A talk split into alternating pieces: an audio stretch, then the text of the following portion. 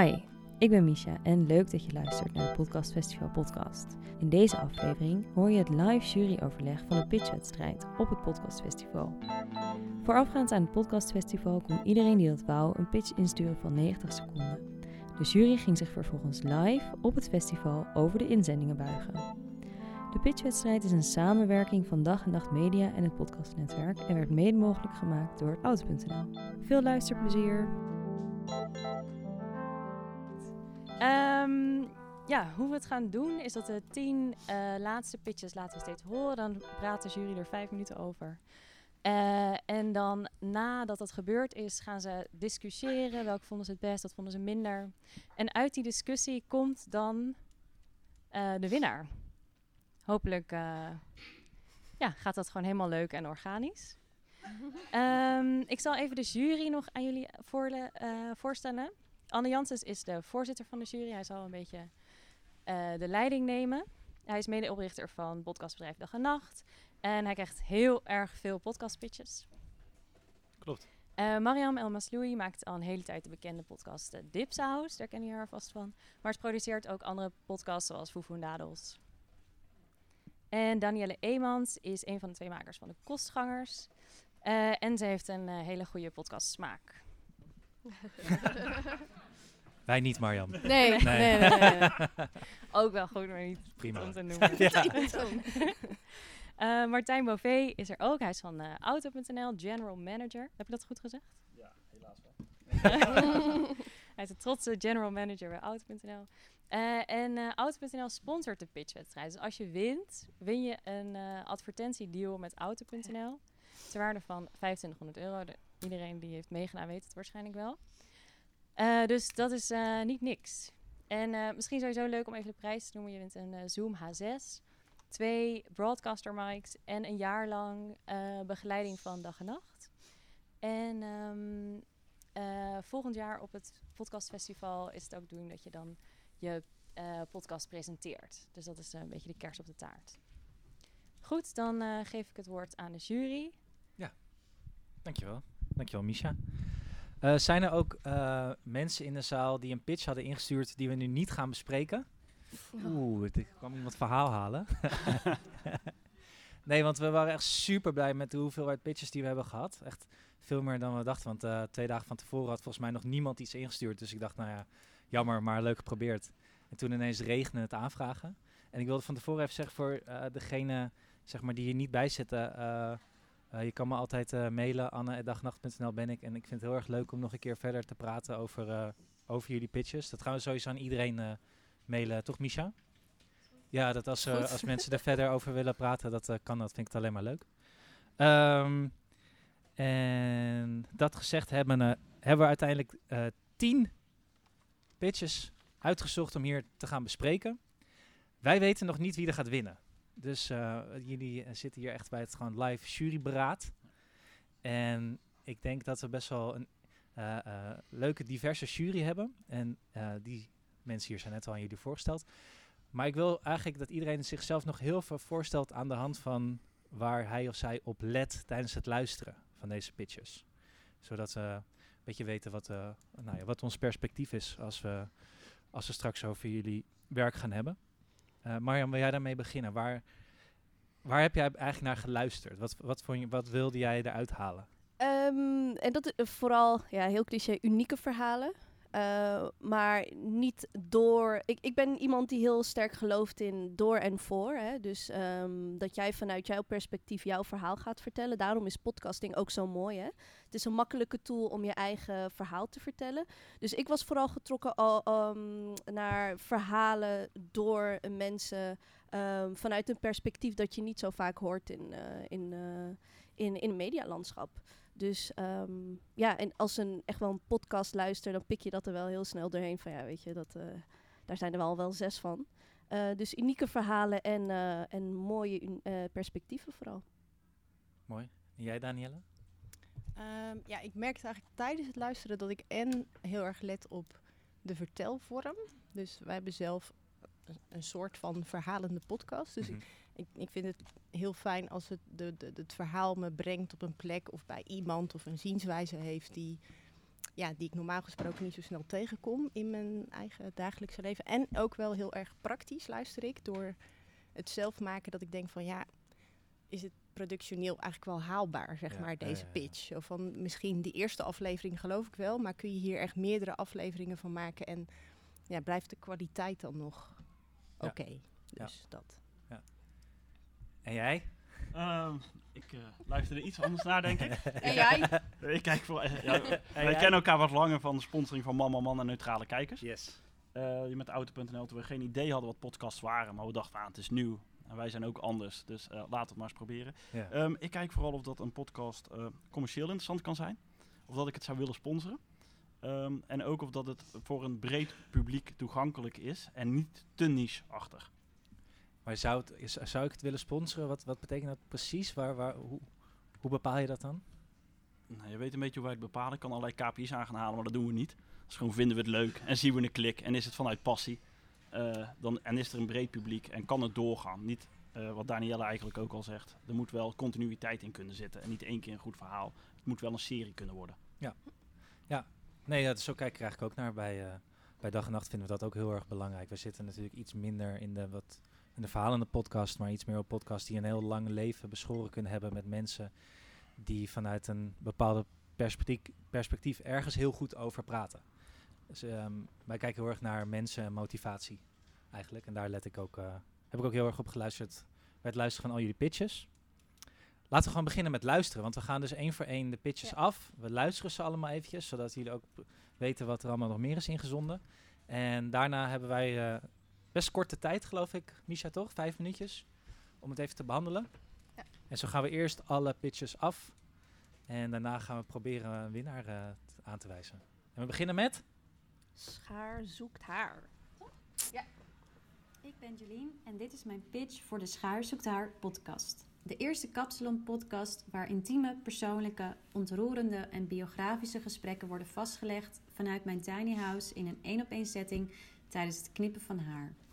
Shout, shout, let it all out. Goedemorgen. Hey, goedemorgen. Hoi Barbara. Ik heb het gevoel gehad dat ik in het verkeerde land geboren ben. In het verkeerde land. Ja. En wat deed dat met je? Hoe Dat kwam ik je daarachter eigenlijk? Dat Mijn, je, ik, dat mijn ouders gingen met mij altijd naar Nederland en hier voelde ik me enorm op mijn gemak. Hier voelde ik me thuis. En waar kende je dat aan? Ja, goede vraag. Maar voor jou een kantelpunt. Ja. Omdat je eigenlijk op dat moment los was Ja, van, de, van, de, van het huwelijk. ja, En toen besloot je om je intuïtie te volgen. ja, Volg ja. je wel vaker je intuïtie? Ja, mijn hele leven lang. In mijn Kapsalon podcast hebben we het niet over het weer. Er is geen geroezemoes zoals in een gewone kapsalon. Maar de intimiteit tijdens gesprekken neem ik graag op om jullie te laten horen. Je hoorde Barbara Gerlach die geknipt werd. Ze is 67 jaar, pionier en founder van een kleinschalig kinderdagverblijf in Haarlem, het Bonte Huis. ehm, ik geef ja, n- eh, als eerst eh, jou het woord, Marjam. Ja, ik, ehm, jij zei het al een beetje. Van in, in de Nederlandse podcastlandschap heb je heel weinig eh, storytelling. En ik ben wel echt een eh zakker voor eh, storytelling. Ik hou er heel erg van om mensenlevens en, en verhalen om daarin mee te, te gaan. Dus dat was ook waarom ik ehm eh, Schaar zoekt haar ook zeker vond dat die door moest gaan. En omdat ik ook zelf heel lang, ik heb veel haar, dan zit ik meestal lang bij de kapper. En dan heb je gewoon, op een gegeven moment deel je echt verhalen van, ja, and he broke up with me. Dus ik ben heel erg benieuwd naar, naar, naar al, die, eh, al die verhalen die ik wel heel vaak in Amerikaanse podcasts en, en zelfs eh, Britse podcasts. Maar dit soort man, man bijt hond verhalen, daar ben ik wel heel erg eh, geïnteresseerd naar. Mag ik daarop reageren? Je mag ik, er ik- meteen op reageren. ik ben Je bent woest. Nee, ik ben het helemaal eens. Ik snap wat je bedoelt met. eh, ik, ik vind het ook heel intiem en heel Ja, eh, dichtbij. En heel, Ja. ik geloof ook eh, in dat het voor haar zo voelt, zeg maar. En voor, zowel voor degene die geknipt worden als voor de kapster in dit geval. Alleen ik, bij het man bij het hond gehalte denk ik wel van ja, daar zit zoveel research en zoveel aandacht in om, om die bijzondere verhalen gewoon te laten lijken, zeg maar. Dat, dat, dat ik dat als enige puntje dacht. Zo van ja, hoe, hoe ga je ervoor zorgen dat je elke keer weer opnieuw. ehm, Dat je ook weer een goed verhaal hebt. Een goed Ja, verhaal, ja. moeilijk, ja. ja. dat ik lijkt zat me ook, heel om je daarop aan te vullen, ik zat ook te denken, heel technisch gezien, van hoe gaat ze dat goed opnemen? Weet je, iemand gaat zitten, haar wassen en dan, weet je, hoe gaat ze dat opnemen? Of Jolien, Joline Ja. Klinkenberg. Ehm, ben ik wel benieuwd naar hoe ze dat technisch gaat doen. Lijkt me heel eh, lastig inderdaad. En ik, eh, ik deel ook wel van, hoe ga je dit eh, lang volhouden? Ehm, hoe, ga je nog, hoe ga je 40 afleveringen maken? Want dat betekent dat je 40 mensen moet gaan knippen. Ehm, dus dat is zeker een. eh een Ja, wacht even, ze was niet kapster, toch? Oh, ik dacht het wel. Is het- ja, Oh, ik, ik ging Oh, er ook wel. vanuit dat ze kapster was. Ik ook. Ja. Oh, is, is Jolien er? Ben je nou Oh, kapster ja, je, of niet? je knipt toch thuis? In de tuin. Maar het is niet jouw huis, toch? Nee, het is een tiny house in een kas in een duurzaam stadspark. Dus dat is ja, echt een, een duurzaam huisje en daar eh, knip ik in. En ik ben kapster, maar ik heb ook een kunstachtergrond en Ah, oké coach ook. Dus ik ga wat verder Oh, ja, ja, ja. Ik vond het wel heel leuk. Ik zit wat minder bij de kapper. Eh, zoals jullie kunnen zien. Het leek mij wel, wel eens eh, heel leuk om gewoon eens bij die kapper gewoon lekker mee te luisteren. Ja, lijkt me ook Gewoon voor in de auto eh, vond ik het wel een hele fijn. Als je gewoon geen zin hebt om eens na te denken, vond ik het wel een hele lekkere. Ja. eh, ik vond het wel een lekker idee eigenlijk, Ja. ja. Ja, nee, zeker. Ik vond het concept heel grappig om van je, dat je niet alleen zeg maar, je mensen die van een hobby een werk maken, maar nu maak je eigenlijk, nu combineer je gewoon je werk en je hobby samen tegelijkertijd. Dat is best wel uniek eigenlijk. Dat vond ik heel grappig eraan. Eh, ik zou nog wel, te- eh, wat, ik, eh, wat, ik, wat mijn overweging bij was van, zou ik dit niet liever eigenlijk op beeld zien? Oh ja. Zou ik eigenlijk niet ook gewoon willen zien hoe jij daar aan het knippen bent en eh, hoe iemands ha- haar er in het begin uitziet in die tiny house, wat de setting is? Eh, ik, ik dacht, moet, het, moet, je, moet je niet een YouTube-serie Ja, eigenlijk een gaan vlog. maken? Dat dacht ik ook, ja. ja, ja. Want je hebt, Hmm. van, eh, je hebt zo'n hele leuke The Cut bijvoorbeeld. Hè. Dat is ook zo een vlog op, eh, op YouTube. En dan moeten mensen gewoon tegenover elkaar zitten en dan hebben ze een gesprek. Ja, je denkt zo, niemand gaat dat kijken. Maar je gaat toch gewoon... Ja, want ik Eh, denk van je ziet dan toch de hele tijd hetzelfde. Ja. Maar misschien Nee, het valt eh, ontzettend mee, oh, oké. ja. Oké, Ja, dat lijkt me ook, interessant. eh, ja. Ja. Gewoon even een ideetje hier. Ja. Ja, hè? Oké. Ja, we gaan weer door naar de volgende, geloof ik, hè? Wat gaan we naartoe, eh Misha? De Witte stok. Stok? Oh, ik dacht sok. Stok. De Witte Stok, de podcast van Sander Smalen en Tatjana Weerman. Over de hindernissen waar je als blinde letterlijk en figuurlijk tegenaan loopt. over hoe technologie ons in ons dagelijks leven helpt. WhatsApp, nu, Sander Smalen, dag lieverd. Ik zit nu in de trein en ben over een uur in Nijmegen, gezicht met hartvormige ogen. Over hoe wij onze weg vinden in het OV. Moet je vasthouden of zeggen we Ja? Ja. Na vijf meter gaan we naar rechts. En over hoe wet en regelgeving ons nog meer beperken en betuttelen. De rit moet zo gepland worden dat de aankomsttijd die mag niet na een 1 uur s'nachts vallen. Het is door het ministerie zo bepaald. Het is de minister die bepaalt wat er vergoed wordt en wanneer in de tijden en noem maar op. Dus daar hebben wij zelf ook niks over te zeggen. Over audiodescriptie en blindentolken. Wij eh, nou, specialiseren ons in live audiobeschrijving. Dus inderdaad het kunnen inspelen op wat er op dat moment gebeurt. En over hoe ontoegankelijk websites van sommige bedrijven zijn en zij hiermee omgaan. Ja, mijn excuus voor het ongemak. Wens ik je nog een fijne dag. De Witte Stok. Maakt ons zichtbaar.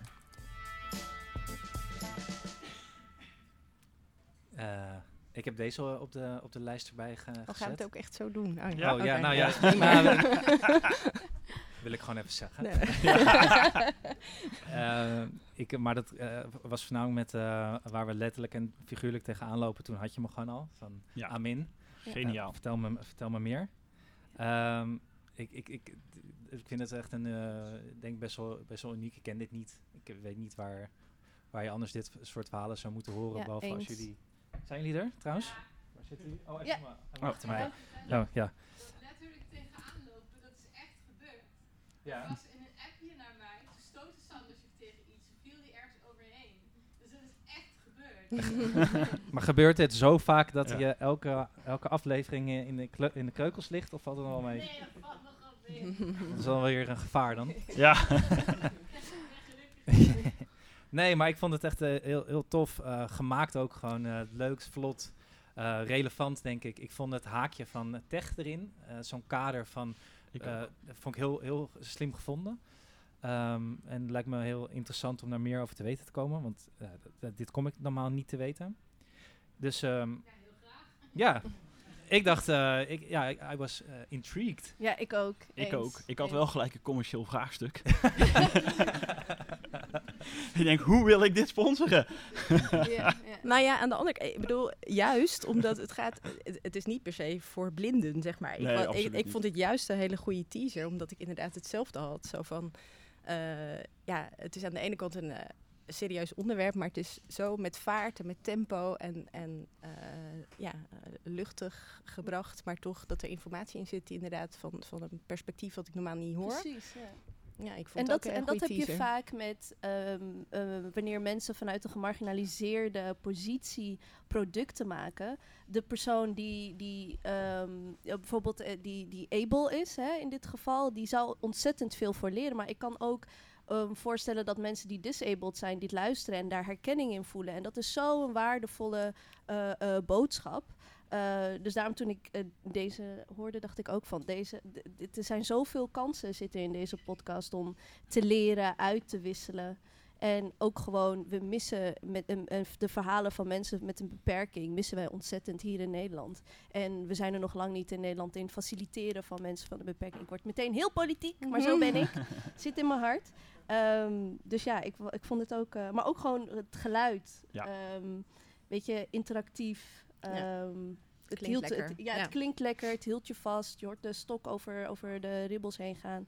Zeker. eh, De witte stok maakt onzichtbaar. Dat is ook de sterkste payoff die erbij staat Ja. in alle pitches. Ja. Ehm, nee, was heel tof om naar, eh, om naar te luisteren. Ik snapte alleen dat punt, mag ik dat even vragen? Van die, eh, die wet en regelgeving, dat fragment.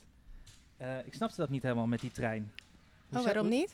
Nou, wat was er nou precies aan de Ja. hand? Nou, ze moeten om één uur thuis zijn, daarna mogen ze geen ding meer bestellen. Je mag met de taxi, eh, taxidienst Valies, eh, mag je dus niet eh, na één uur s'nachts thuiskomen. Dus met andere woorden, blinden mogen niet naar een theatervoorstelling. Ja. Oh. dan weet ik veel, dan moeten ze eerder naar huis. Ja mensen die een andere beperking hebben of zo, omdat ze om één uur binnen moeten zijn. Je mag alleen maar tussen zes uur s ochtends en één uur s'nachts eh reizen en dat vinden wij belachelijk. Ja, want het, het tast je. Ja. in Amsterdam en kan binnen 10 minuten in de Lamar Theater zijn. Sommigen wonen er een uur vandaan en willen er ook graag heen en willen ook graag de voorstelling uitzien. ik snap precies. het. Ik Ah, snap kijk, hem. er zit ook meteen een missie in. Dat is Ja. goed. Ja, het is ja, wat ik. Net. Ja, wat, Ja, wat ik, ik bouw hier meteen even deze missie in om dat ook gewoon meteen dan maar te, eh, op de agenda te zetten en te proberen te veranderen. Is dat oké?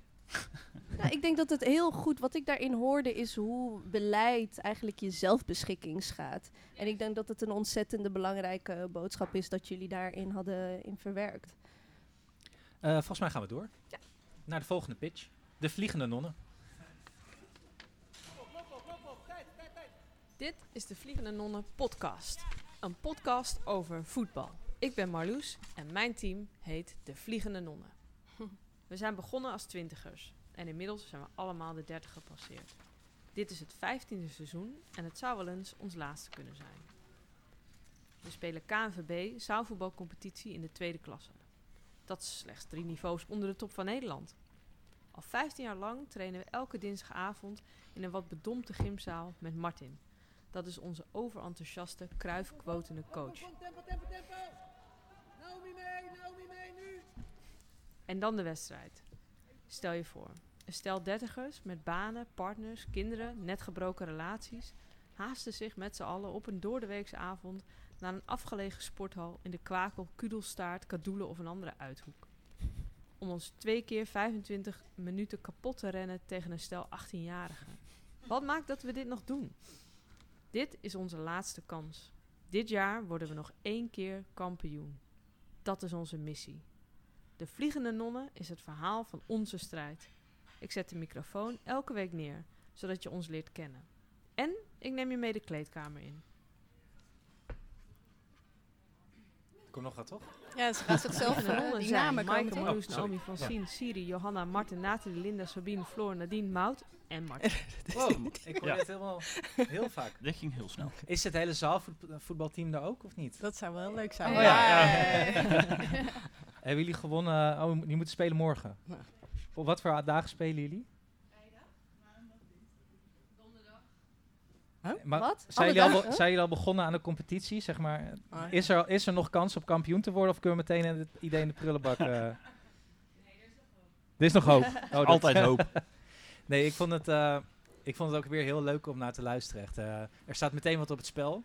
Ja. kunnen we nog kampioen worden als, eh, als oudjes tegen de, tegen de jonge, jonge Super honden. herkenbaar. Heb ik morgenochtend ook weer. Ja, Eh. dit, dit is waarom ik ben Ja. opgehouden met voetbal ook. Omdat ik dacht van waar begin ik en waar ben ik eigenlijk mee bezig? Wij doen het nog één jaar. Nee, nee. Ik hoop nog wel langer, maar... eh, Dus nee. inderdaad voor mij ook, ook eh, her- her- herkenbaar. Omdat het in de zaal dan is en een, en Ja. een vrouwenteam. Er zit direct een fantastisch karakter al in volgens mij met die coach. Martin. Heet hij die Martin? Ja, ik heb hem ook Coach- opgeschreven. coach ik moest aan Martin. denken aan eh Gooise vrouwen, Martin Morero, die stem. Oh, ja. Alleen een paar fragmenten al. Ja, nou, dat is toch wel knap. om meteen in, in, Ja. in drie zinnen heb je meteen een heel karakter eh, dat er staat. Dat Ja, is daarom ook vond ik weer mooi. grappig. Ehm, dus ik, ik, wil, ik wilde eigenlijk wel weten, ik wil weten hoe het verder gaat. Ja, ik, ik, ik vond het heel grappig, want ik dacht, eh, ik word hier een soort van enthousiast van. Maar, en ik heb het idee dat ik iets ga meemaken, zo van de yes. Ja. Maar ik heb geen idee wat ik ga Nee, dat meemaken. weet Dat, ik denk, gaan we wel iets meemaken? Ja, Eh, ja, maar dat eh, weten we nog niet ook gewoon. Nee, dus die Dat belofte beetje, zit er ja. heel erg in. Maar Ja. ik, eigenlijk weet ik niet zo goed wat ik ga horen. Dat had ik wel een beetje. Het Nee. ultieme All-Stars gevoel. Ja, dat, echt wel. Ja. Ja. dat denk ik ook. Ja, maar ik had misschien nog iets meer karakters of zo willen horen. Zo van, eh, ja, we- we- we- wie zijn dan die mensen in het team? En, en waarom zijn ze interessant om heel, sne- heel snel eigenlijk in een paar eh, kernwoorden voorbij komen naar, eh, wat zei dat, echtscheidingen en eh, Ja. druk en eh, werk Ja. en kinderen Ja. en zo. Ja. Eh, waar je op de dertigste, ik heb ooit bij de KNVB gewerkt hè. Oh. Dus de dertigste is, eh, is het uitval Oké, Anne. binnen, binnen Ja. voetbal.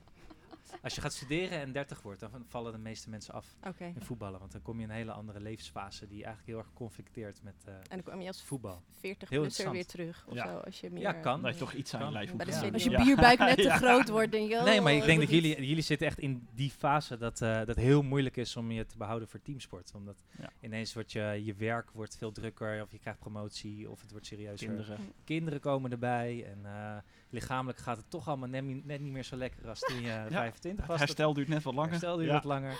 En die, die, al, die, al die pijn is ook best wel... Maar jullie kunnen dat nu al helemaal wel goed. invullen. Ik kon dat niet. Ik kon het, ik kon het zeg maar. Ik dacht, ik had het wel leuk gevonden om dan eh, de, de vragen die dan besproken worden en hoe ze dan besproken worden in de kleedkamer, om dat dan ook te horen. Misschien om iets meer idee te hebben van wat ga Ja. ik meemaken. Commercieel gezien vond ik deze heel interessant, omdat je nu met het succes van de Oranje Leeuwinnen zit.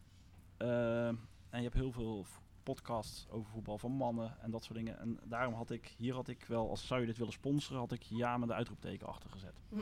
Eh, omdat ik in de opkomst van de Oranje Leeuwinnen en alles wat daar commercieel steeds interessanter wordt, denk ik dat het in die tijdsgeest wel goed past. Ja. Een podcast als Ik denk dat voor mij, ik heb zelf ook gevoetbald. Ik denk waar. Echt voetbald? Ja. Waar? Eh, in, in Maarsen, in, eh, in Libanon, waar, waar de, want daar had je, heb je nog van die Amerikaanse, zeg maar, waar de universiteit een eigen voetbal. Ah, ja, eh, ja. Dus dan moet je tegen allemaal universiteiten gaan voetballen. Was je goed? Ik ben heel snel. Dus je Oh. moet mij de bal geven in het middenveld. En dan kan ik heel snel, maar op, op doel en dat soort dingen, dat kan ik niet.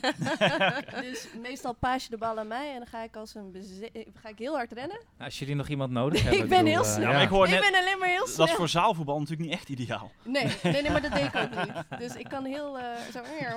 Ehm, maar ik hoop wel, en dat ben, ja, ik, ik, ik hoop dan wel dat het vrouw zijn of zo centraal staat. Want anders denk ik dat het een beetje een vlak Ja. verhaal wordt. Snap je? Anders wordt het. ehm, Maar voor dat de bedoel ik. Als, als, we dat, als ik dat Ja. iets meer had gehoord van welke lagen zitten er dan in dan. Bijvoorbeeld dan- als ik, ik ben heel erg, in, bijvoorbeeld als ik dit soort podcasts hoor, dan, dan wil ik echt die hele diepe dalen, hoge pieken, echt van, dat, maar dat vergt ook heel erg, oh, dan moet je heel erg openhartig zijn, hè, en Ja. dan zeggen van, ja, nee, ik, eh, mijn man is vreemd gegaan en nu trap, daarom heb ik iemands scheen kapot getrapt, weet je, dat soort, dan, dan zou je mij hebben, want iemand Ik, ik zie ze ja oh, knikken. Ja.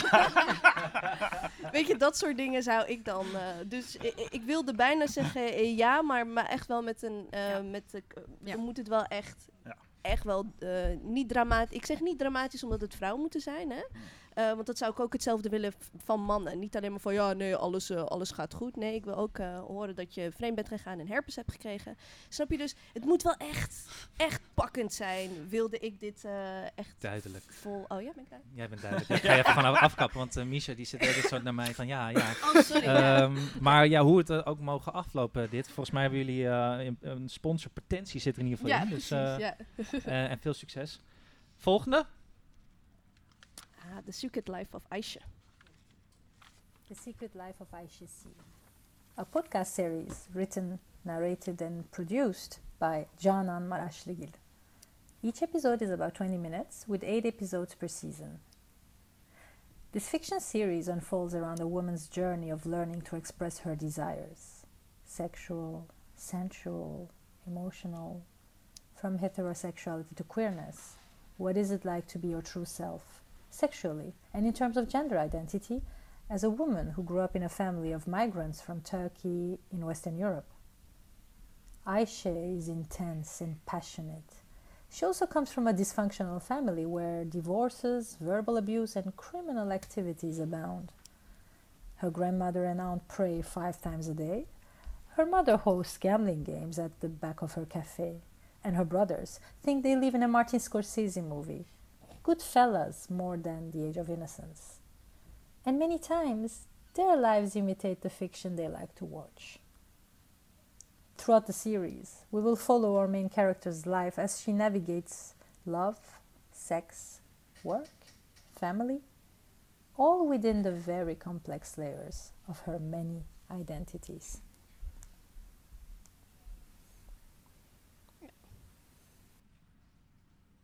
Zo'n fijne stem. Ja. Ja, ik, ik ben... I was blown away. Ik vind dit echt... eh, ik, ehm, alles wat met seks te maken heeft, vind ik sowieso geweldig. dus toen ze het had over sensually en seks, dacht ik... "Ugh." Weet je, dus ik vond het... eh, een een eh, red flag bij mij was, is dat ik zo... Dat ik het een beetje jammer vond dat het in het Engels is. Ehm, ehm, maar ik hoop wel dat wat ik niet weet van deze podcast is of het speelt in Nederland. Want dat heeft natuurlijk een specifieke context. Hè, om, om, ik bedoel, wat zij vertelde is zo'n beetje waarin ik mijzelf heel erg herkende. Hmm. En de enige keer dat ik die verhalen terug hoor, zijn eigenlijk in de podcast die ik zelf maak. Weet je, er zijn Mhm. gewoon heel weinig podcasts over biculturele vrouwen, migratievrouwen. ehm, vrouwen van kleur die het hebben over hun seksualiteit en gender. Dus dat trok mij heel erg. Maar ik denk dat het toch in een andere vorm, in een andere taal en door. ehm, Maar wat, wat, wat begrijp jij van de vorm? Ik dacht, ik weet niet zo goed wat ik nu ga. Ga ik soort dagboekfragmenten horen? Ga ik, denk dat je een verschillende serie stemmen gaat horen? Ik denk dat het een serie wordt, dus een beetje een, zeg maar een, een, eh, eh, een storytelling saga.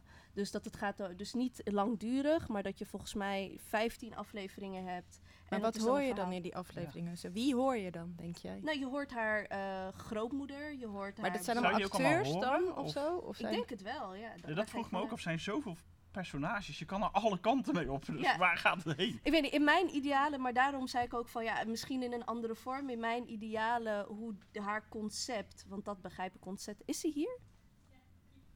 Oh, hi. Hi. Ehm, het, het, ko- do you actually understand us Ja. in Dutch? Oh, oké, Oh, oké, oké, gelukkig. dus ehm, waar ik aan dacht van is het in mijn, hoe ik zo'n podcast zo graag voor mij zou zien, is hoe, het ook, hoe ik het wel vaker in boeken heb gelezen. Dus echt een soort van familiedrama. Weet je, en daar heb je ook hele leuke Turkse series van. Echt van een, een, dus dat, dat is bij referentiekader. De Turkse series die ik heb gezien, die, waar het hier over gaat. Maar dan in een podcastvorm. En ik zie haar knikken. Ja, ja. Dus weet je, ik vanuit mijn migratieachtergrond, ik word doodgeslagen met Turkse series. Dus, ehm, maar ik weet niet precies hoe ze. Het wordt wel een hele tricky thing als je een grootmoederstem moet gaan. eh eh, Het is echt een vak apart, dit, Ja. denk ik. Is, Ja. ik- eh, als het echt fictie is en ook productioneel, is dat echt, vraagt dat heel veel. Dus Ja. de- de- daar had ik heel veel vragen over na het luisteren. Dat ik dacht, ik ben heel benieuwd. En ik had hetzelfde zo van, ik ben getriggerd door de manier waarop ze het zegt. En ik ben ook benieuwd naar al die lagen waar ze het over Ja. heeft. Maar ik weet niet goed wat ik ga horen. En daar had ik, eh, ja, had ik nog heel veel vragen over. Waardoor ik het lastig vond om daar echt mijn... mijn ja, een goede mening over Precies, want in. Amerika worden dit soort dingen gemaakt door echt grote mediaplatforms. Het kost hè? echt best wel veel geld. Heel veel Ja. geld, ja. En daarop volgde had ik van wat is precies de doelgroep? Wie gaat hier naar luisteren? Omdat we ook niet precies weten wat kunnen we verwachten. Ja. Ja. Vond ik ook een hele lastig om in te vullen. Ja. Ja, ik denk vrouwen. Ik denk dat heel veel vrouwen dit... eh, Dat is een vrij brede doelgroep nog steeds. Ja.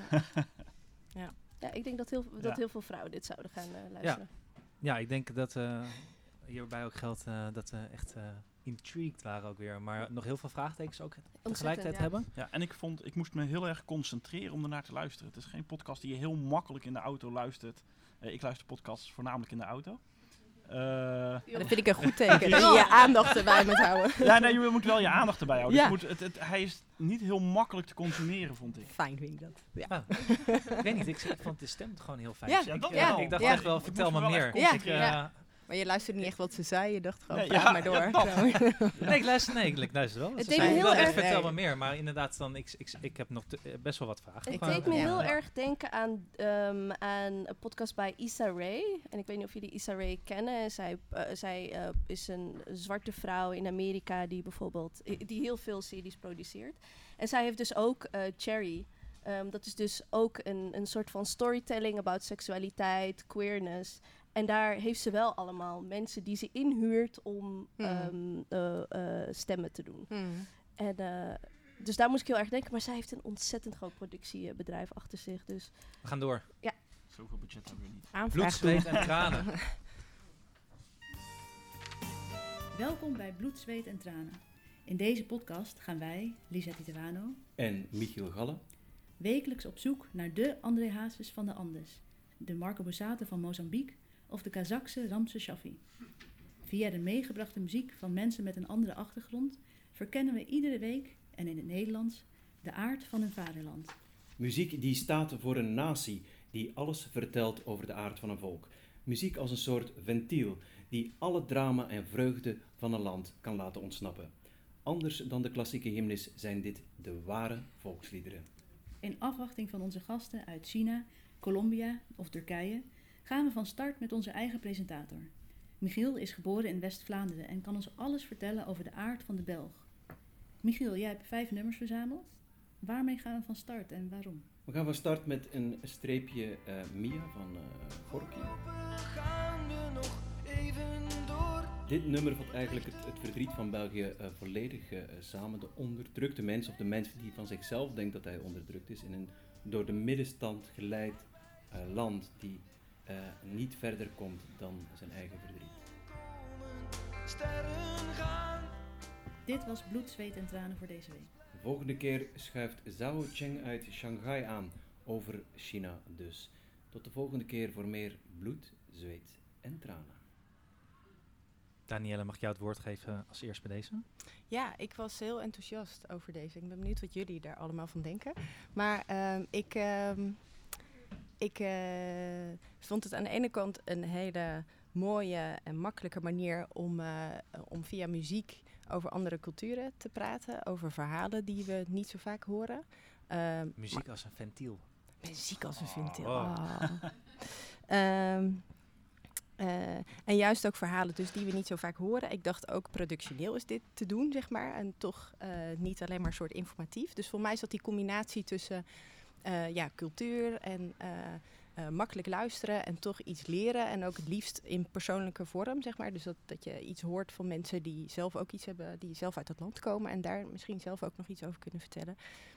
Dus ik, ja, ik was... ik, ik had gewoon een dikke ja bij deze. Ja. Dat? Ik weet eigenlijk niet zo goed. Ik ben gewoon heel Ja, enthousiast. Ja, duidelijk. misschien... Jij, Mar- Martijn? Eh Vlaamse tongval, altijd plus plus. Die, die vind, ik echt heerlijk om naar te luisteren in de auto. Dat- Zalig. Ja, zalig. Eh, nee, dat vond ik echt heel fijn. Ik, ik vind de insteek ook heel leuk. Het, ik denk dat je op andere onderwerpen komt dan de geëikte onderwerpen als iemand het over zijn land gaat hebben. Want het gaat heel vaak naar eh, gebaande paden toe van dit doen we. En ja, muziek heb je wel een andere ingang. Ehm, dus dat vond ik echt heel leuk. Ehm, maar ook hier, en dat is altijd lastig in de pitch, het kan nog zoveel kant op. Het heeft ook echt met je gast te maken. Eh, alleen productioneel en eh, qua luisteren is het wel makkelijk te consumeren. En dat vind ik ook altijd wel prettig. Ja. want Ik, ik, eh, zijn de makers hier ook of niet? Trouwens? Of zijn die er niet? Nee. Nee, die zijn niet. Ik, van, want, Kunnen want we worden nou gewoon Nee. mensen uit de hele wereld vandaan geplukt of zo? Ja, ik dat vind snap het wel niet lastig. helemaal. Ik vind het Dat dacht ik, ja. Ja? Ik dacht gewoon... eh, dus, ja, Ja, ze zeiden China. Mozambique. En, maar die wonen toch ook allemaal wel Ja, dat weet ik niet. Misschien kennen ze al die mensen al. Ik weet ook niet zo goed wie die makers precies... Wat gebeurt er? Of ze gaan Wie, ze bellen of zo. wie, wie, wie zou het nou precies zijn en wat hun... Ik ging er eigenlijk wel vanuit dat het in Nederland eh, wonende mensen zijn Ja. die vertellen Ja, over maar hun vaderland. Maar dat is puur een aanname van, vanuit mij. Ja, dat was bij Ja, mij ik, ook. dat ze ja. ik denk dat ze in, ja, ik denk ook, ik dacht ook van jeetje, dat is wel echt een ontzettende obstakel. Eh, dus ik, ik denk dat ze dan gaan inbellen of zo. Oh, ik dacht, eh, ja, hier, hier eh, ja, ik bedoel, als Ze je een. Chinees zoekt, dan ga je Chinees Maar die kwam, zoeken. ja, Ja. die kwam wel uit Shanghai. Ja, joh, je Nee, moet even nee, een beetje... uit, maar ik kan Nee, toch maar ook hier wonen? Nee, tuurlijk, tuurlijk, Ja. tuurlijk. Maar nee, ik dacht gewoon, dat, dat, dat lijkt me... Dit is de hele tijd een mug hier. Of inbellen Ja. inderdaad, kan ook nog, ja. Ja. Maar dan... en dan daar opnemen, maar wel het liefst iemand die dan goed Engels of Nederlands spreekt. Maar goed, ik ja, ik zag, da- ik zag daar niet, de- in dit geval dan ineens weer geen productioneel obstakel. Maar goed, we kunnen het ook niet vragen, dat is Nee, wel jammer. vragen. Ja, ik vind het heel lastig, want ik hou heel erg van, zeg maar, zogenaamd volksmuziek. En ik ben echt zo'n zeurder van, zodra je het gaat vertalen, it loses its magic, weet je wel. Dus, Maar ja, ik, ik dacht Ja. ook niet, ze gaan een soort van een liedje... eh, nee, maar eh, dat ze song- erover gaan hebben van, wat betekent het? Bijvoorbeeld Ja. in het Marokkaans heb je van de volks... Ja, dat kan je gewoon niet vertalen. Hoe ga je dat overbrengen? Dat lijkt me echt zo. En, want je krijgt natuurlijk... Het perspectief is natuurlijk gewoon een Nederlander die Hm. dat hier maakt. En waarschijnlijk ook wit, snap je? En dan ga je... Hoe ga je dat overbrengen in plaats van twee... ehm, eh, twee mensen uit Mozambique die dat gaan uitwisselen, snap je? Dus ik vond het een hele tricky, Hmm. tricky ding wanneer je dingen gaat proberen uit te leggen of te, f- ehm, of En jij denkt dat de, de, de, de host, zeg maar, het lied gaan, dat, dat Ja. zij erover gaan praten? Gaat toch mensen... Nou, nee, je, ja, je bent al- uitnodigen? Ja, maar Ja. als interviewer heb je natuurlijk een referentiekader. Dus ik ben bang van hoe, hoe goed kan je dan... Als ik zou niet iemand zo goed kunnen interviewen over Zuid-Afrikaans volksliederen, snap je? Dus dan wordt het een... Ik ben dan bang als iemand die echt gepassioneerd is over volksliederen. Nederlands en Marokkaans, denk ik van oeh, dat Hmm. wordt tricky. Ik wist gewoon een beetje wie zij waren en waarom ze dit wilden Oh doen ja. eigenlijk. Ja. Hm. Waarom, Ja. waarom? Wat, wat zit er voor jullie achter en wat is Hm. jullie positie in en waarom zijn jullie, zijn jullie experts? Ik weet het niet, zijn het muzikanten? Daar was ik, dat, eh, dat zou ik altijd heel graag wel willen weten in zo'n pitch. Van waarom, moeten, waarom moeten jullie dit doen? Ja. Ja. Wat staat er voor jullie op het spel? Hm. En dat vond, ik, eh, dat vond ik een beetje ontbreken nog hier. Ja. Ehm, maar we gaan gewoon weer lekker door. Naar de volgende. Naar Dapper. Ik heb dit. Nee. Te dramatisch? Ja, veel te dramatisch. Mijn naam is Josien Wijkhuis. En ik ben Dennis Gaans. En dit is Dapper, een podcast over angsten. En dan hebben we het niet over dingen zoals hoogtevrees of vliegangst. Nee, specifiekere angsten. Zo spraken we iemand die bang is voor paspoppen. De gaatjes in cappuccino schuim Er zijn mensen die bang zijn voor boeken. of voor knieën. Er bestaat een angst voor smaak. En voor het getal 8. We gebruiken die angsten om op onderzoek te gaan. Waar komen paspoppen vandaan? Hoezo cappuccino schuim? Wat is de deal met het getal 8? We praten met experts om meer over de bron van de angst te leren. En zo misschien ook iets aan die angst te doen. Ja, en je ziet nu, heb jij ook een specifieke angst? Ja, ik ben bang voor kaas. Ik kan me er wel overheen zetten. Alleen ik vind het ook heel vies als iemand eerst aan kaas heeft gezeten en dan aan mij wil zitten. En we hebben geprobeerd daar iets aan te doen. Ik ben Merel Kind, eh, hoogleraar experimentele klinische psychologie. En ik ben op zoek naar een nieuwe behandeling voor angststoornissen. Als ik hier nou een stuk kaas op tafel leg, dan is toch de vraag: wat is dan jouw reactie? Ik denk dat ik, dat ik dan wel de kamer uit wil.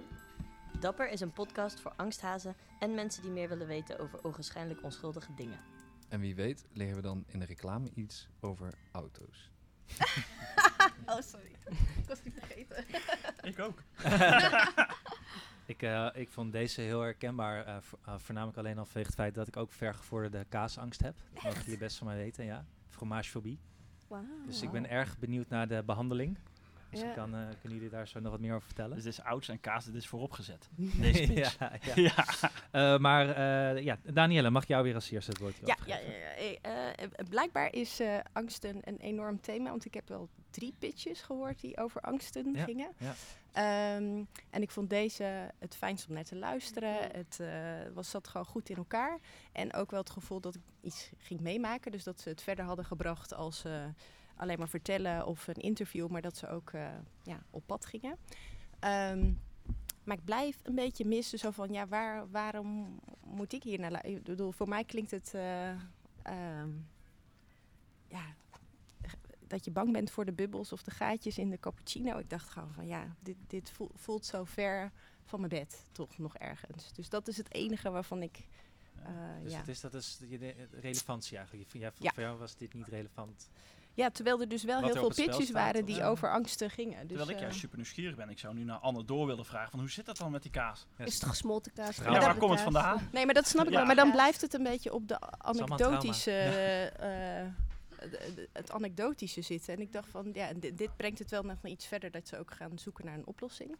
Eh, dus daarom vond ik het wel. Oh, ik had juist het idee dat ze heel educatief wilden zijn, omdat ze dan Oh, een ja. klinische psycholoog erbij gingen Oh, ja. halen, zodat je een beetje leert over al die angsten waar heel veel mensen in onze samenleving mee kampen of zo. En ik dacht Ja. zo van, oh, weet je, ehm, dat is wel interessant. Mhm. Ze, ze Ehm, trekken het een beetje uit het maar zuur ik- niet zo. Dat vind ik wel Ja, nou, ik vond Ja. het een beetje sensatie eh, van, oeh, er zijn ook mensen die, snap je? Dus dat, Ja. dat ehm daar kan Ja, maar als je dat hebt gehoord, en, en, en dan? Zeg maar van, Ja. ja. waar ga je dan, ja, hoe, hoe lang kun je daar, naar hoeveel afleveringen kun je Ja, daarvan klopt. luisteren? Want ik Dat denk dat het allemaal best wel dezelfde mechanismen achter, eh, achter zitten. Ja, inderdaad. Hoe lang kan je dat... eh, Dus dat was wat ik een beetje... Zeker. Ik, ik vond het echt heel erg leuk om, om naar te luisteren. En qua sound en vormgeving zat dit, vind ik, eh, dus de beste trailer denk ik Goeie die we tune. eh, Ja, hebben qua gehoord. interactie tussen de twee. Qua Ja. interactie, dus en qua gewoon hoe rijk het was met verschillende soorten elementen die erin zaten. Ja. Ik sluit me wel klein... Ik vond het heel erg leuk om zo'n persoonlijke zoektocht van iemand die een angst heeft en gaat proberen waar eh, dat op te lossen, vind ik heel erg leuk. Ja. Ja. Ik weet niet of dat dan in elke aflevering zit of zo. Ik ben het wel eens. Hoe lang blijft zijn. het leuk? Daar ben ik het wel een beetje mee eens. Precies, ja. Ja, nou ja, er zijn, eh, als, als er zoveel rare verschillende angsten zijn en verschillende manieren om er het op te lossen, dan kan het wel lang leuk zijn, denk ik. Tenminste, het lijkt, het lijkt Ja, mij ik heb erg geen leuk om naar te luisteren. Maar, ja. Ja, mij ook. Het, Ja. het I'm triggerde mij wel. of nothing. Ehm, maar ik snap, ik snap ook wel weer wat jullie, eh, wat jullie zeggen, inderdaad. Ehm, we, zijn trouwens, we hebben er al zes gehad, volgens mij. Ja, we gaan snel. We gaan best wel snel. Misha, hoe liggen, hoe we qua... Doen we het goed? Liggen we op schema? Doen we het goed? Ja, Anne, je doet het goed. Yes. Nou, dan gaan we gewoon weer naar de volgende. Zo ben ik. De wereld van. Oh ja. Dit is Isabelle. En Isabelle laat met deze geel weten, ik ben enthousiast. Enthousiast om mijn moeder op moederdag wakker te maken met een ontbijtje en cadeautjes. Isabelle is 13. Aan de ene kant een fysiek zwaar gehandicapt meisje, die niet kan praten, continue zorg nodig heeft en op fitte dagen 6 uur uit bed kan zijn. Maar aan de andere kant een tienermeid die kan communiceren als de beste, plezier haalt uit de normale dingen en geïnteresseerd is in de wereld om haar heen. Welkom bij de eerste podcast-uitzending van De Wereld van, waarin we Isabelle's wereld naar buiten brengen en de buitenwereld naar Isabelle toe.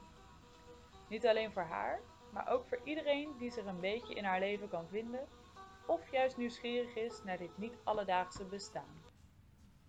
Ik ben Marten, een van Isabelle's zorgverleners. Vertellen over mijn werk met haar maakt vaak veel vragen los. Persoonlijke vragen als wat is de waarde van haar leven en hoe oud zal ze worden? Elke aflevering zal één van deze vragen centraal staan. Er zullen mensen uit Isabelle's omgeving aanschuiven in de podcast, maar we zullen de vragen ook juist op onze eigen levens gaan betrekken. En we hopen op mooie luisteraarsverhalen, groot of klein, zodat we Isabelle's wereld een beetje kunnen vergroten met jouw verhaal.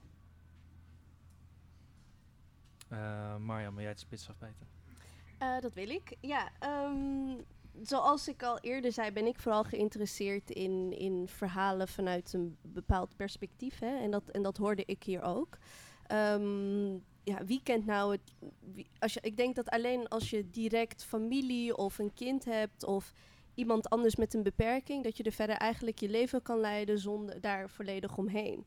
Ehm, dus ik vond het een hele mooie podcast om nogmaals om verschillende, eh, verschillende perspectieven te bedienen. Dus degene die de, de begeleider is, maar ook degene die misschien in zijn directe omgeving een beperking heeft. Of, ehm, maar wat ik hier wel heel erg lastig vond, is hoe ze dat gaat doen. Ehm, en hoe ze als, als, als begeleider, hoe, hoe, welke vragen gaan er echt specifiek centraal staan en hoe krijg je die stem naar voren? Ehm, dus ik, ik ben altijd heel erg huiverig voor verhalen over, eh, Ja. eh, over mensen.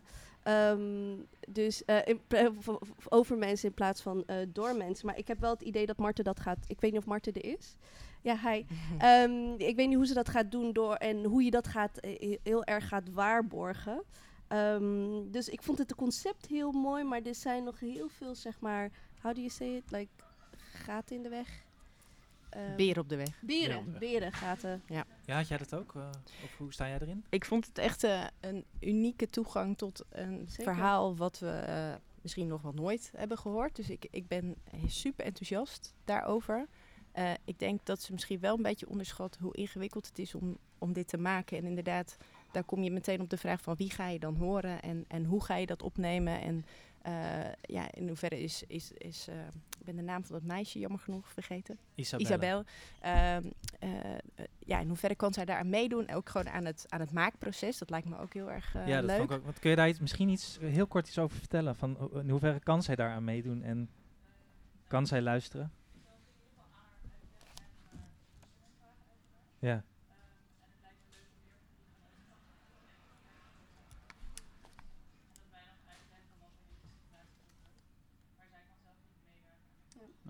Oké. Nee, maar kan je dit, eh, kan zij dit luisteren?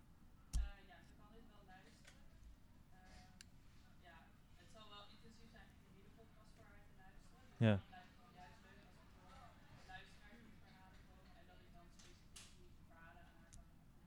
Oh ja. Mm. Dus dat bedoelde je met, eh, want je wilde de buitenwereld ook naar haar brengen. Dat vond ik een heel mooi deel eraan. Maar ik Ja, was wel precies. benieuwd in hoeverre dat dan eh, mogelijk, mogelijk was eigenlijk. En wat ze daarvan mee kon krijgen. Oké.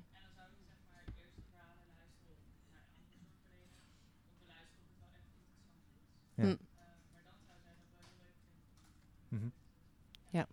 Danielle, kun je misschien iets zeggen van, je zei dat het eh, eh, eh, misschien moeilijker dan, dan je denkt om het gewoon te maken en goed te maken. Van hoe, zou jij dit, hoe zou jij dit aanvliegen? Nou, precies. Om, ja, eigenlijk wat je al zei, wat jij ook zei, Marjam, van ik, ik zou het voorkomen dat je over haar gaat praten. Dus dat het dan dat het gewoon heel nauw betrokkenen zijn die vanuit hun eigen perspectief praten over hoe dat is om, om samen met haar te leven en dingen met haar te doen. En, ehm, en eh, ik- ik zou het jammer vinden, zeg maar, als het dan alleen maar een soort praten wordt. Dus ik zou juist allemaal dingen willen meemaken en willen horen. Eh, en volgens mij is dat ehm, gewoon naast het werk wat, je, wat ik denk dat jij doet, misschien weet ik dat helemaal niet goed, is dat echt best wel ingewikkeld om daar steeds op te letten en steeds daar rekening mee te houden. En ehm, ja, ik zou.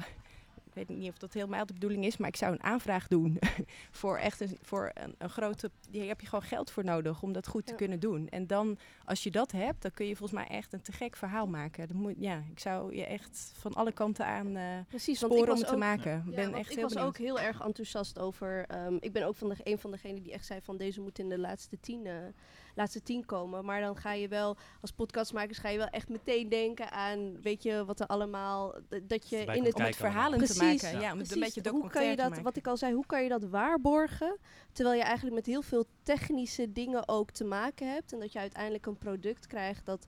ehm, dat omdat het heel moeilijk is om te maken, hè, dus ik denk dat je voor een enorme uitdaging staat, dat je uiteindelijk een, een, een podcast krijgt ehm, dat, dat niet helemaal is wat je wilde um, dat het zou worden.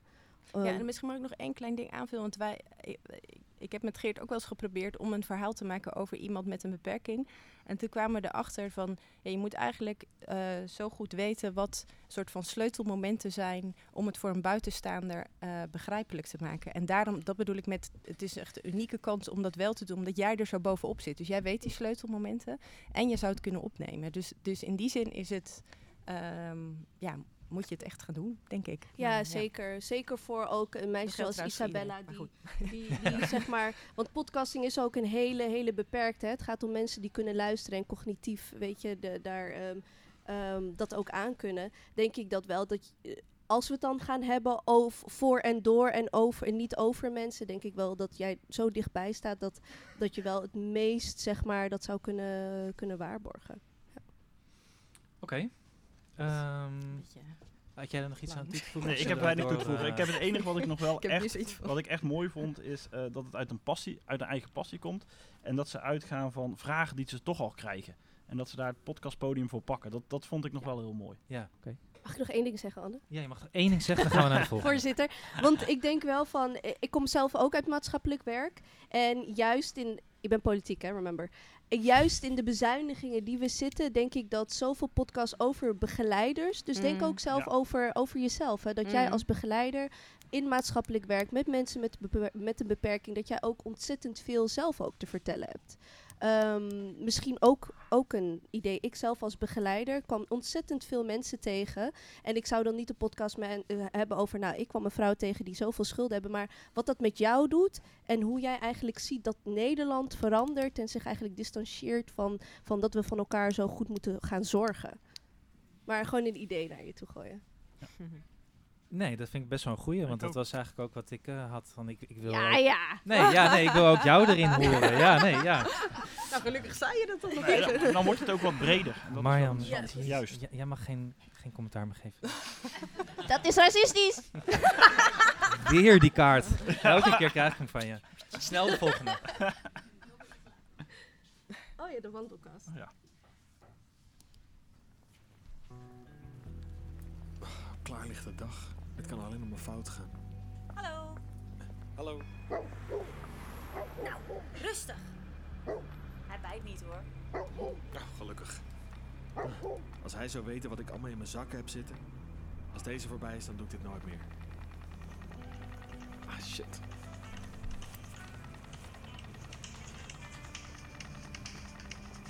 Hey. Yo, ben je er bijna? Ja, bijna.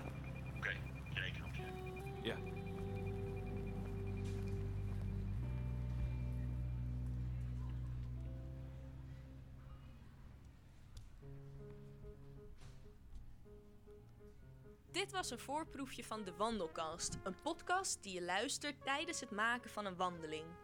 De Wandelkast is een initiatief van filmmakers Ruben Dekker en Denise van den Hoek.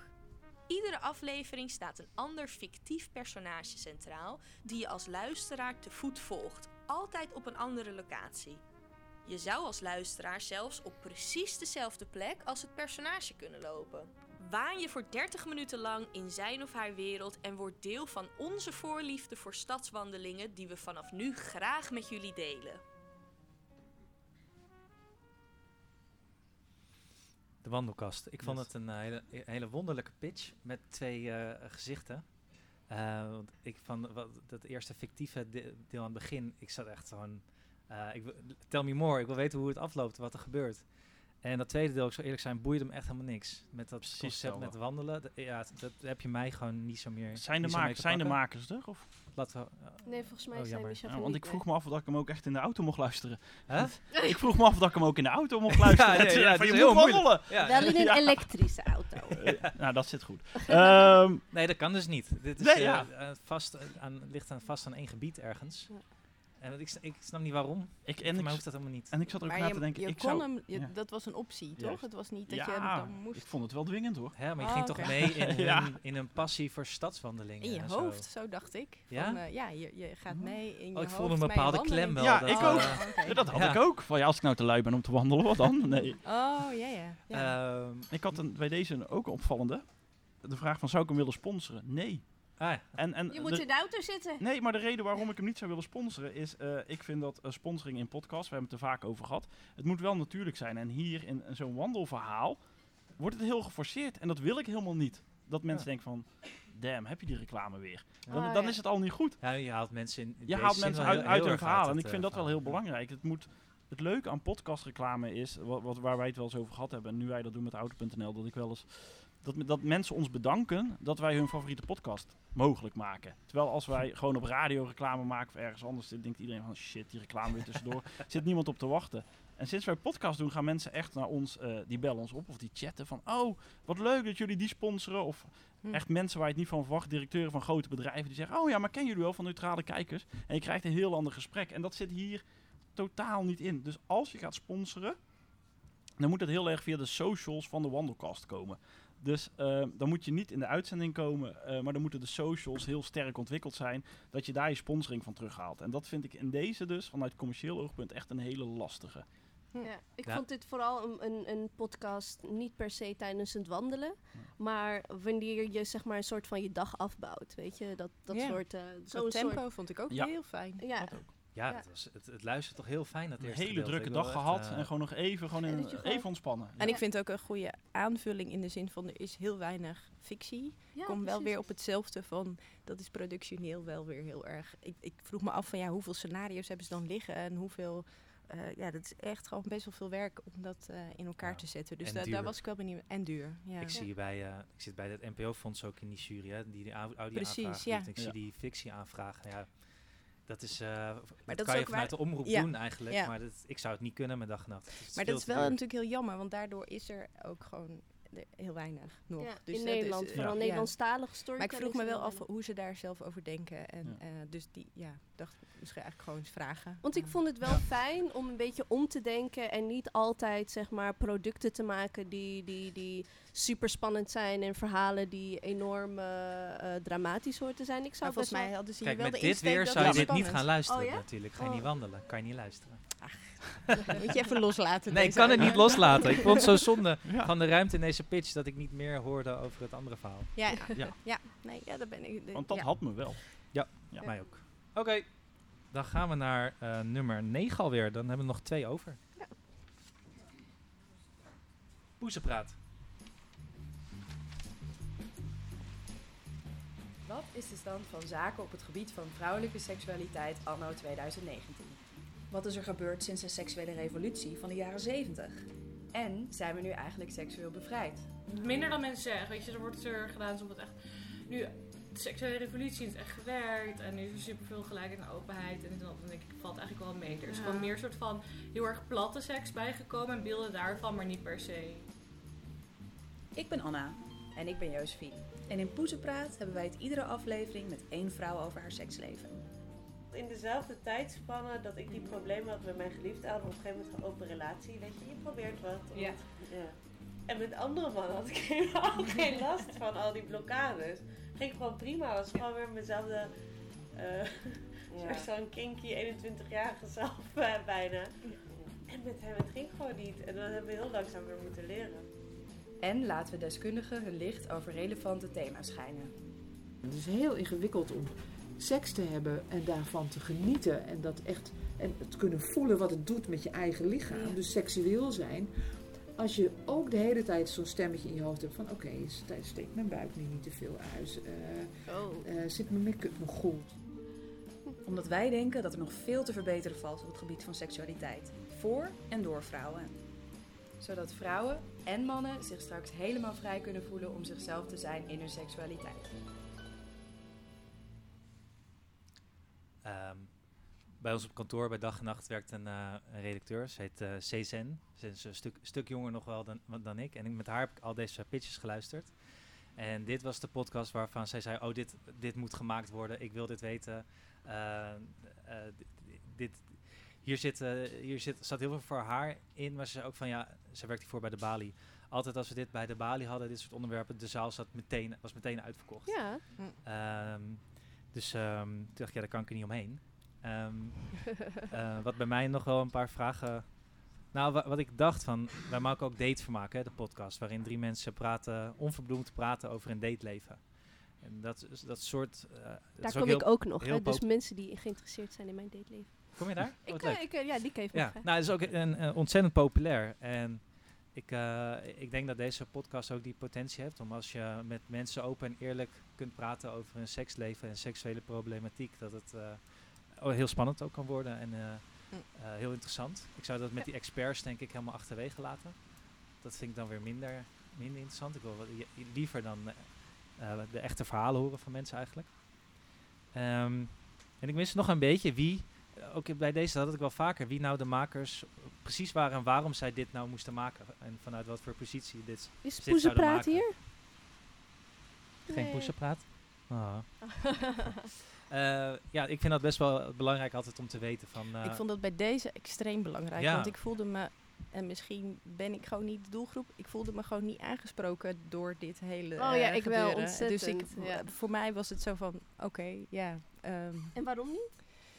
Nou ja, dat ligt er dan misschien aan dat ik niet weet wie de mensen zijn die erover Mm. praten. Maar ik dacht, ja, eh, voor mij ben jij eh, gewoon iemand waar ik me helemaal niet mee kan relateren op dit moment. Dus, dan, Oké. eh, dus dat Ja. kan misschien liggen aan het voorbeeld wat erin zat. En misschien Nee, komen er ook, anders hoor. andere voorbeelden. ook, ja. Maar als ik had geweten van wie zijn degenen die dat gaan maken en wat is hun idee hierover, dan, Ja. eh, dan, dan was het misschien makkelijker geweest. En nu heb ik er bijna niet echt iets over te zeggen, eerlijk gezegd. Ja, gewoon ik meer van, ja, het sprak me gewoon niet Nee. zo aan, zeg maar. Maar Mhm. ja, als het gemaakt moet worden, dan... Nou, kennelijk, dat kreeg ik ook maar gewoon te horen. Ja, nou ja, ik, ik ben ook geen doelgroep, dus ik vond deze ook heel lastig. Eh, alleen als ik hoor dat er dan zo'n breed publiek is en eh, de balie eh, uitverkocht als dit soort onderwerpen zijn, dan vind ik dat wel heel interessant. Ik denk dat het een. Ik vind sowieso zeiden ze voor en door vrouwen, dan heb je me al. Hè? en ehm, ehm, wat ik er zo interessant aan vond, kijk, er is een reden hè, waarom dit zo eh, interessant is. Want als het in, in, in de geschiedenis, jaren 40, 50, 60, 70, zijn er allemaal mythes door mannen de wereld ingegooid over hoe een vrouw seksueel bevredigd zou moeten worden. Of wat ze leuk vindt, of wat, wat er in haar hoofd omgaat. Maar ook de onderdrukking daarvan. Hè? Dus eh, dat. Ehm, ik kan me voorstellen dat er een keer een vrouw zou komen in de aflevering die zou zeggen van, oh, als ik te veel geniet van seks, dan wordt er XYZ van me gedacht. Snap je? Dus dat, daarom vond ik dit een super interessante ehm, podcast gewoon, omdat het er bijna niet bestaat. Nou, ik Ja, moest en ik meteen heb wel juist het denken idee dat het wel bestaat. Dat ja, is het de enige gekke. die ik nu kan noemen is Damn Honey, die vaak dan, maar die trekken het breder dan alleen over seks. Die hebben het heeft ook nog over... andere podcasts gehad. De Bedvogels podcast heb je nog gehad.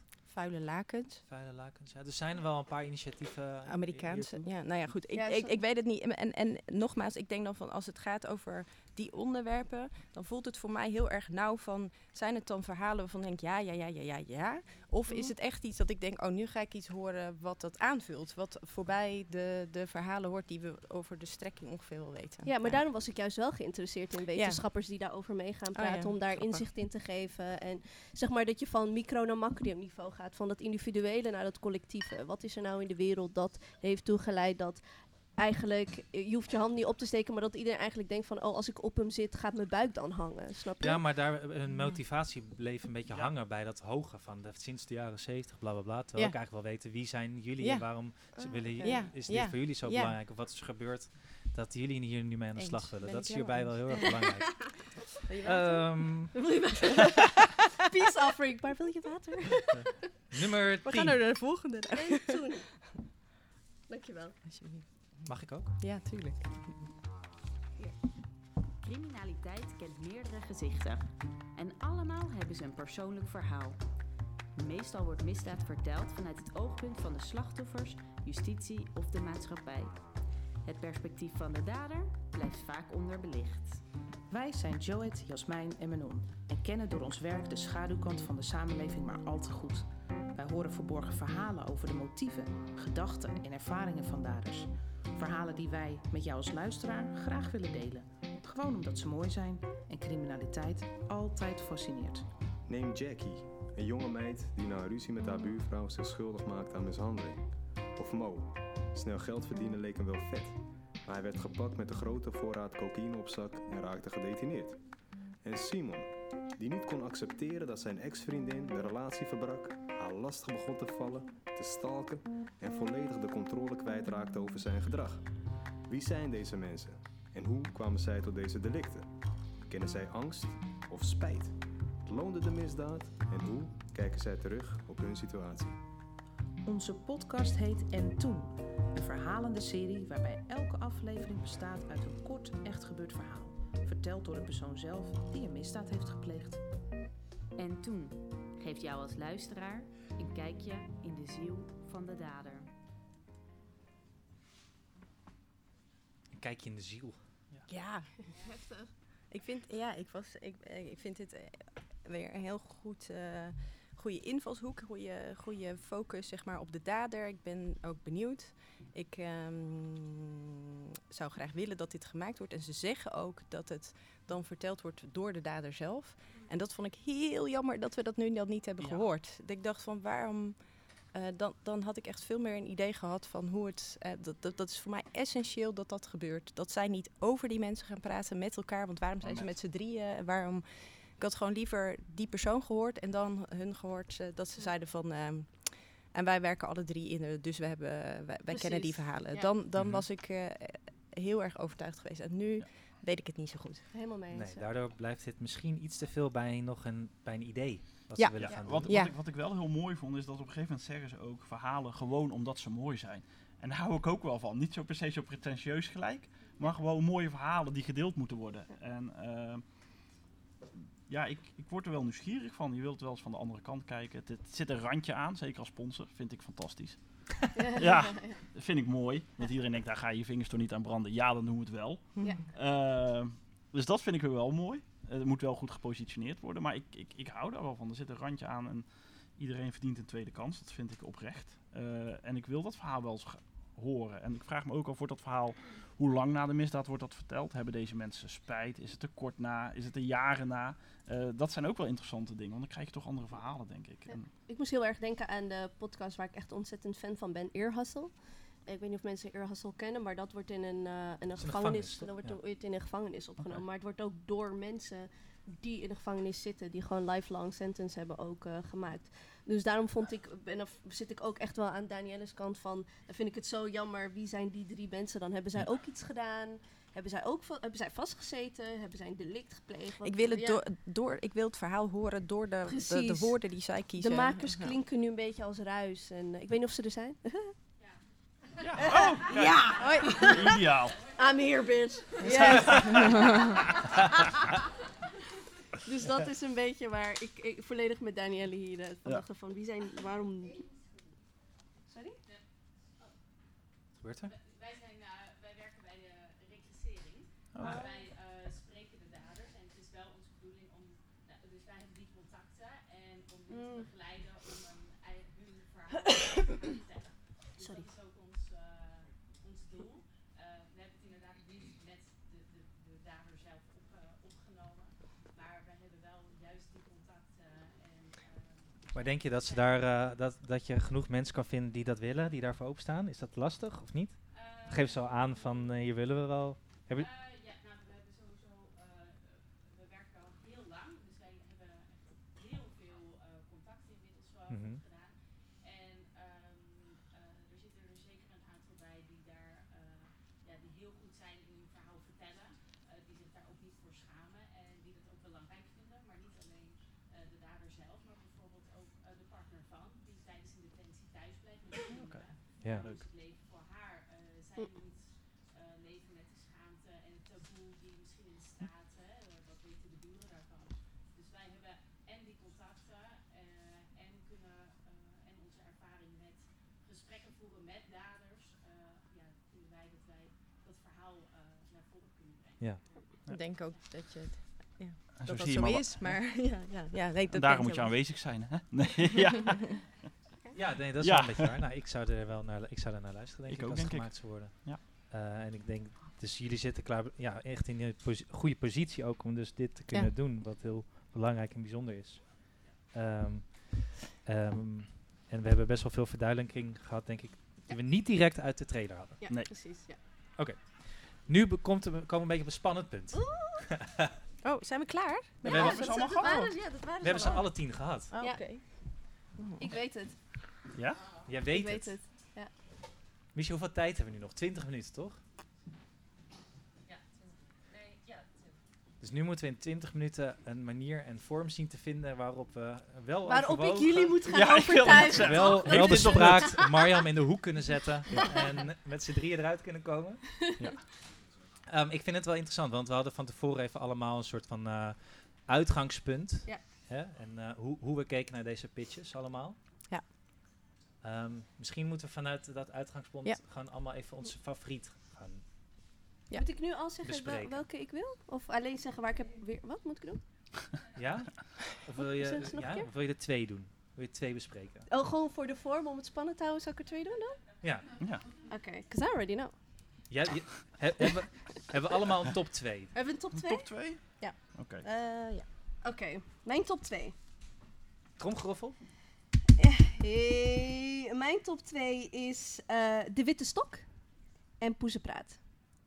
Ja, dan moet je ook wel een beetje. Eh, En dat is, oh ja, oh ja, oh ja. Oh ja. Nou, dat, eh, voor mij is belangrijk het perspectief. Hè? Dus ehm, dit zijn twee podcasts die door en voor eh, zijn. Dus waarin ik, waarin ik gerustgesteld ben, ben dat het eindproduct iets is waar, waar dat niet zeg maar zogenaamd over of problematisch of weet je met, met taal zal kunnen bevatten dat ehm, ehm, problematisch is. Ehm, het zijn verhalen. De podcastwereld is een hele gedomineerde, eh, zoals de meeste media in Nederland, toch gedomineerd door, door mannen, door witte mannen. Dus dit zijn twee podcasts die, die daarvan ehm, afwijken. Dus verhalen die we gaan horen, die het niet halen op een, eh, een NPO, een BNR. Ehm, en dat zijn de dingen waar ik heel erg op heb gelet. Dus mijn, mijn standaarden voor storytelling kwamen in deze twee het beste eh, naar voren. Oké, dat is duidelijk. Dus we hebben de Witte Stok en Poesenpraat. Ja. Die staan nu op de, de shortlist al. Oh, Danielle, kijk naar mij. Martijn, wil jij... Wil jij Ja, ja, ja. Ga jij eerst. Hou in het spannend. Ik, eh, ik heb twee andere. Ik ben natuurlijk ook die witte man. Eh, die sponsor, die sponsorgeld. nou, nou, Witte die- man met het geld. Ja, Ja, nou ja, ja, ja, dat, dat valt enorm tegen. Eh, als elke start-up en e-commerce bedrijf maken wij ook dik verlies. Maar we vinden het wel heel leuk. Ehm, ik had een top 2. En die kwam ook mede door de toelichting van net. Dat is En Toen. En eh, De Vliegende Nonnen. En eh, dat is voor mij uit mijn perspectief voor wat is interessant om te sponsoren. Wat kan een brede doelgroep eh, bereiken. Waar zit een serie in die over een langere tijd of een seizoen gaat. En daar ben ik over deze wel alle twee interessant. Ook heel veel vraagtekens nog. Ja, ja. Die we, maar die hebben we bij allemaal. Van wat Ja. gaat er gebeuren? Hoe gaat zich dat ontwikkelen? Maar, en het zijn er ook twee die ik zelf wel eh, zal luisteren. Daar heb ik ook naar gekeken. Ja, nou, heel belangrijk lijkt me dat. Dus we hebben nu de Witte Stok, de Vliegende Nonnen, eh Poesenpraat en En Toen.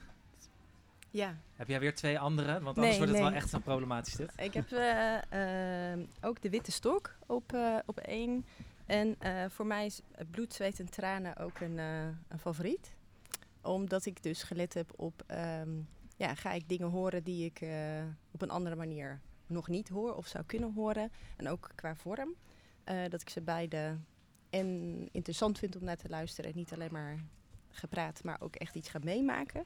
En omdat ik denk, hetzelfde als wat eh, net ook al gezegd werd, van ja, dat, dat, er, dat het productioneel haalbaar is om hier wat meer uitzendingen van te maken die boeiend blijven. Dus eh, ja, en ik weet dat jullie twi- twijfels hebben bij bloed, zweet en tranen, of dat ze, maar mij hebben ze juist wel overtuigd.